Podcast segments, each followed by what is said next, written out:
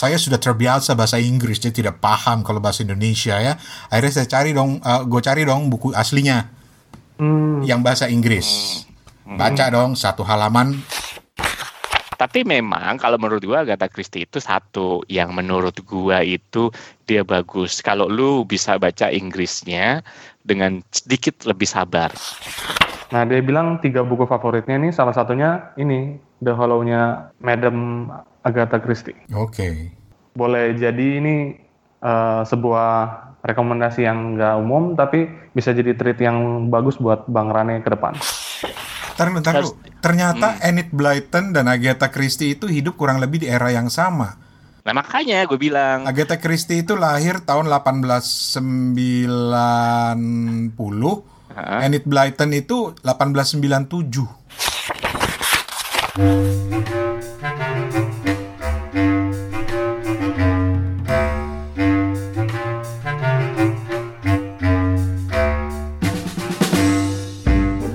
Assalamualaikum. Ini adalah podcast Kepo Buku Ekstra yang merupakan kelanjutan dari episode ke-15 yang berjudul mengapresiasi sel-sel kelabu Agatha Christie. Ini adalah episode yang membahas tentang karya-karya Agatha Christie bersama waktu itu gue, Opat, dan Steven minus Toto yang lagi berhalangan. Dan waktu itu kita mengundang Dion dari komunitas penggemar Agatha Christie Indonesia yang menyebut diri mereka sebagai sel-sel kelabu. Cari aja di Twitter sel-sel kelabu. Nah, di episode itu setelah mendengarkan segala cerita tentang Agatha Christie dan buku-bukunya, gue yang masih awam banget dengan buku-buku Agatha Christie kemudian tertarik untuk mencoba membaca. Karena itu eh, gue minta rekomendasi buku Agatha Christie apa yang cocok buat gue sebagai seorang pemula dan ya memang gue ini pemula banget karena Steven, Opat, apalagi Dior itu jelas sudah baca semua karya dari sang ratu cerita misteri itu. Nah, episode kali ini adalah kesan-kesan gue dari buku rekomendasi mereka itu plus komentar dari Toto yang waktu itu nggak sempat ikutan rekaman, padahal dia juga seorang pembaca Agatha Christie. Sebagai informasi, mereka bertiga kompak merekomendasikan buku Agatha Christie yang satu ini buat gue. Kita dengerin aja eh, dikit eh, cuplikan episode 15 itu sementara mau dengerin lengkapnya lu cari aja di episode 15 ya.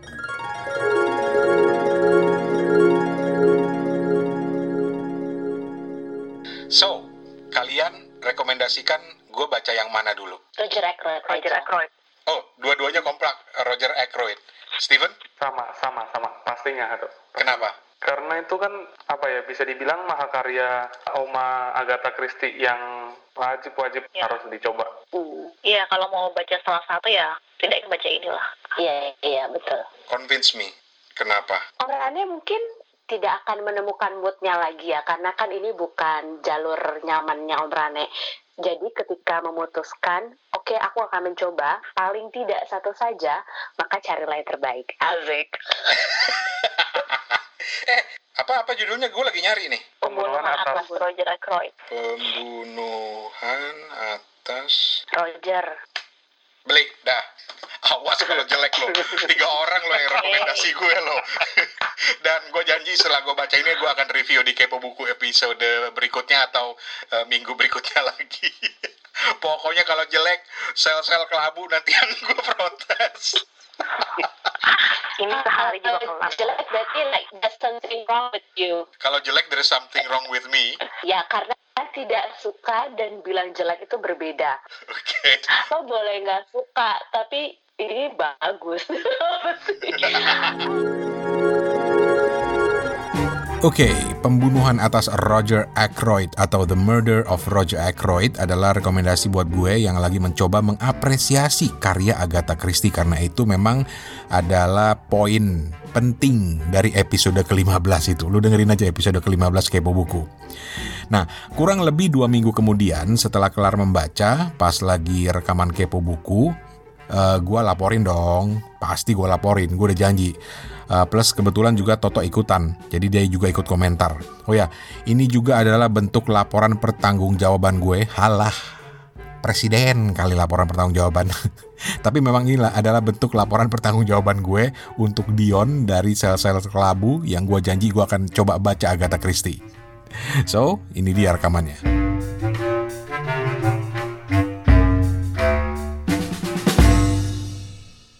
Gue mau cerita dulu. Ini episode yang Toto nggak ikutan. Jadi Tok lo harus share juga. Karena gue tahu lu juga baca Agatha Christie kan. Oke, boleh. Jadi di episode Agatha Christie, gue tuh nanya sama adik-adik yang Iya. hadir. Ada Dion, Dion itu dari apa ya istilahnya ya, sel kelabu itu kayak semacam komunitas penggemar Aga- Agatha Christie di Indonesia. Mhm. Ada Opat dan ada Steven. Nah waktu gue nanya sama mereka, kalau misalnya gue mau baca Agatha Christie, lu rekomen yang mana? Tiga-tiganya kompak bilang The Murder of Roger Ackroyd atau pembunuhan atas Roger Ackroyd. Kenapa? Karena kalau Steven bilang itu paling keren. Iya, benar. Plot twistnya katanya benar-benar nggak terduga, membuat dia meloncat ke langit-langit, apalah istilahnya waktu itu, tapi dahsyat banget gitu ya. Mm-mm. Eh, kalau Dion bilang memang ini salah satu novel yang banyak kemudian menjadi rujukan untuk cerita-cerita detektif saat ini. Oh, Oke, oke. gitu. oke, terus. Sementara Opat bilang, udah pokoknya baca aja, jangan cerewet.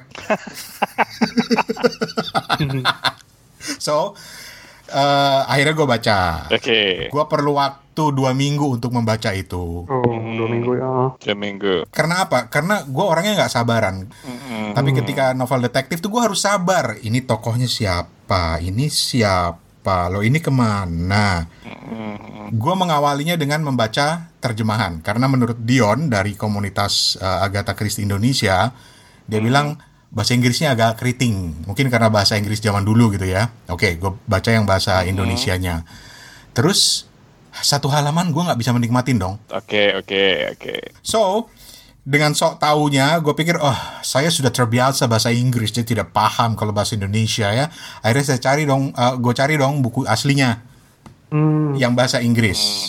Baca dong satu halaman. Ah, ini mungkin karena gue belum bisa aja kali ya, belum belum terbiasa. Baca lagi dua halaman, lama-lama pusing sendiri. Pusing lo kenapa? Bahasa Inggrisnya British banget gitu ya. Bahkan bahkan saking pengennya, gue penasarannya. Akhirnya gue cari dong buku audionya juga. Gue dengerin audionya lebih pusing lagi karena yang bacain ngomong orang Inggris tuh kayak kumur-kumur gitu loh. Ya udah, Oh, gue gitu. gue nyerah, gue Oke. kembali ke bahasa Indonesianya dan gue paksakan dan ternyata oh menarik, menarik gitu. Hmm. Jadi dia menggambar eh, menggambarkan setting kota tempat peristiwa itu terjadi, menggambarkan si Hercule Poirot itu yang yang memang tengil minta ditabok itu gitu loh. Terus Hmm. jadi gambaran-gambaran itu membuat gue menikmatinya dan gue makin penasaran. Mak- jadi memang bener kata Dion atau Opat waktu itu yang bilang bahwa Agatha Christie ini memang harus lu baca. Lama-lama lu penasaran, penasaran, penasaran. Udah nggak bisa lepas dan memang itu yang kejadian. Dan di akhirnya plot twistnya itu lebih bikin gua kaget lagi karena gua nggak nyangka sama sekali itu. Oke. Jadi thank you banget eh, buat yang udah refer gua ke pembunuhan Roger Ackroyd. Beban gua sekarang adalah karena konon kabarnya pembunuhan atas eh, Roger Ackroyd ini yang salah satu Agatha Christie yang paling bagus. Jadi gua beban lagi mau baca berikutnya yang mana nih. Hmm. Walaupun walaupun Dion sempat bilang kan katanya Agatha Christie itu yang paling jelek aja itu masih bagus katanya. Iya, nggak mengecewakan. Nggak mengecewakan. Tidak tidak mengecewakan. Oke. Gitu. Paman Toto bagaimana Paman Toto? Soalnya waktu itu kita mengharapkan Paman Toto datang sebetulnya karena Paman Toto ini kan juga Toto eh, Poirot namanya kan ya. So iya benar. Soalnya kemarin waktu pas rekaman itu gue lagi di tempat lain. Di sebelah sono juga lagi nyanyi lagu. Hah? Gitu. Jadi gue ke tempat sono. Di sebelah satunya, di tempat satunya, Hmm. itu ya ada yang nyanyiin kemarin paman datang ya gue harus datang kan lu manggil gue paman jadi gue paman juga kan nggak nyambung ya nggak lucu ya Ntar, ntar, ntar, sabar, sabar. Fen, Fen, Fen, Fen, tolong ketawa, Fen, kesian, Fen. Iya. Rasain lo, lu cuma dikasih ketawanya sama Steven cuma, Ah. iya. Kalau gue gitu ya eh, Agatha Christie itu banyak gue baca tapi bagi gue itu banyak yang nggak inget jujur aja ya jujur. Banyak yang nggak inget gitu. Karena begitu juga cerita detektif-detektif lainnya atau cerita misteri gitu ya. Hmm, cerita misteri. Bahkan eh, kapan-kapan kita akan bahas eh, Harry Potter kan ya. Hmm. Harry Potter itu gue cuma garis besarnya aja. Bahkan gue nggak apal sampai detail gitu kecuali sampai gue baca berulang-ulang.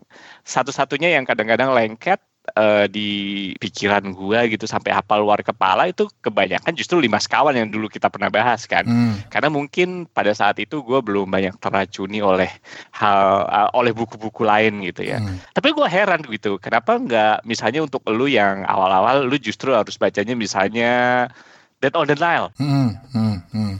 Tapi memang kalau menurut gua Agatha Christie itu satu yang menurut gua itu dia bagus. Kalau lu bisa baca Inggrisnya dengan sedikit lebih sabar. Karena kalau lu suka novel yang menggambarkan sebuah keadaan gitu ya, sebuah tempat menurut gua dia bagus di situ. Hmm. Banyak cerita-cerita misteri, cerita-cerita detektif gitu ya. Itu menurut gua bagus di plot, bagus di bagus di eh, apa namanya cerita, kemudian twisted plot gitu ya, terus alur. Alur. Tapi ada satu yang gue apresiasi dari Agatha Christie sebenarnya, dia itu penggambaran eh, suasana ketika itu gitu. Yap. lumayan bagus gitu untuk sebuah cerita detektif kalau menurut gue. Dan gue itu itu ngingetin gue sama lima sekawan toh. Nah itu dia, iya benar. Dimas. Rujukan ke Mm-mm. desa-desa atau apa kampung-kampung di Inggris itu ya kelima sekawan dan Mm-mm. membaca ini kan settingnya itu sebuah kota namanya Kings Abbot Mm-mm. itu cara dia menggambarkannya tetangganya seperti apa jalan-jalan lingkungan tempat lokasi itu hutan-hutan kecilnya itu kok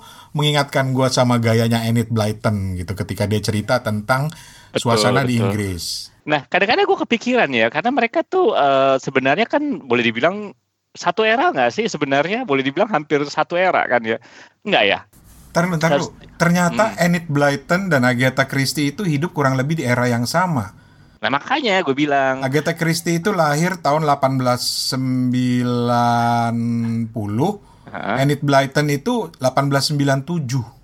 nah menurut gue Oh. mungkin dipengaruhi. Pertama mereka dua-duanya adalah British. Kedua di hidup yang sama. Mungkin cara penceritaannya juga akhirnya menggambarkan seperti itu. Karena kalau gue lihat yang zaman sekarang misteri itu banyak, gitu kan. Cuman memang nggak se ini dia kalau ngomong plot rata-rata ya begitulah ya maksudnya ada twisted ada gitu nah makanya gue bilang lu kalau nyambung ke Harry Potter Harry Potter kan tetap misteri juga dalam dalam tanda kutip gitu kan ya. Walaupun bukan detektif gitu kan ya atau bukan seperti itu tapi tetap misteri fantasi kan sebenarnya gitu kan. Kalau gue golongkan Hmm. dia itu penggambaran sinerinya menurut gua penggambaran fantasinya gitu ya itu bagus gitu kalau menurut gua gitu untuk sebuah cerita anak-anak. Mengang- me- ng- eh, mengingatkan gua lagi ke lima sekawan walaupun sebenarnya kalau boleh dibilang ya Agatha Christie sama eh, Enid Blyton itu satu kalau menurut gua bahasanya itu walaupun lu bilang ribet dia itu tetap ringkas sebenarnya Hmm. dia tidak ber apa ya nggak nggak boros sebenarnya dalam urusan bahasa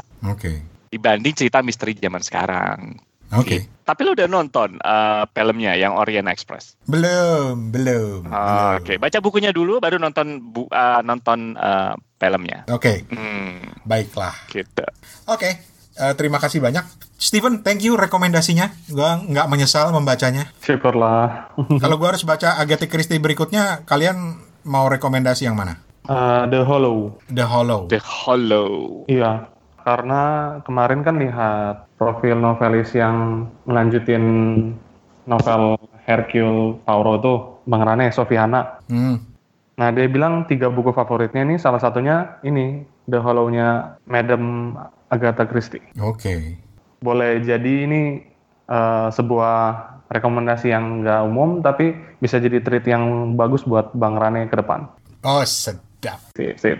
Paman, paman ada saran apa kalau gua harus baca Agatha Christie berikutnya? Ya itulah Orient Express. Re- iya, gue gue terus terang penasaran Orient Express, tapi Hmm, gue mau simpen-simpen dulu gitu loh. Karena ini salah satu karya Agatha Christie yang keren juga kan, katanya apalagi jadi film gitu kan. Menurut gue itu salah satu karyanya yang nggak paling memusingkan loh. Orient Express. Mm-mm, Menurut gue ya, menurut gue ya. Baiklah. Makanya gue bilang kalau lu supaya supaya jujur, lu baca novelnya dulu, baru baca eh ba- baru nonton filmnya. Coba kalau nonton filmnya itu menjadi sangat sederhana, walaupun tetap ada plot twist ya, menyenangkan sih sebenarnya lihat filmnya gitu. Dicatat, dicatat. Yang jelas eh, walaupun gue belum nonton dan baca Murder on the Orient Express, tapi gue udah download lagunya. Lah, Yang yang yang Michelle Pfeiffer itu gara-gara waktu di episode itu gue masukin sedikit buat intro. Terus gue dengerin gila gitu. lagunya enak banget, gile Mbak Michelle. Michelle Pfeiffer ya.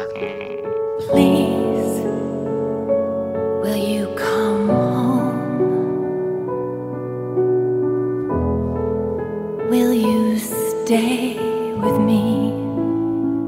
Ya begitulah, ternyata menarik dan beneran seperti kata Toto tadi, gua ini adalah generasi yang sangat menggemari karya-karya Enid Blyton, Lima Sekawan dan lain-lain, yang ternyata Enid Blyton itu hidup di era yang sama dengan Agatha Christie. Jadi waktu lagi rekaman gue coba googling dan ternyata memang kurang lebih mereka berdua hidup di era yang sama. Dan eh, Toto mengingatkan ini ada kemiripan deh eh, dari gayanya, dari gaya mendeskripsikan daerah-daerah di Inggris gitu, dari gaya bahasanya itu ada kemiripan. Ya bener juga sih, paling nggak itu yang gua rasakan. Nggak tahu kalau lo. So again, terima kasih Dion, thank you banget. Ini episode buat lo dan teman-teman sel kelabu sebagai bentuk pertanggungjawaban atas janji gue, karena gue udah janji untuk membaca dan mencoba mengapresiasi Agatha Christie. Jujur, gue suka, suka banget seperti gue bilang tadi dan akan gue coba baca eh, buku-buku yang lainnya. Jadi sekali lagi makasih banget un- untuk rekomendasi ini.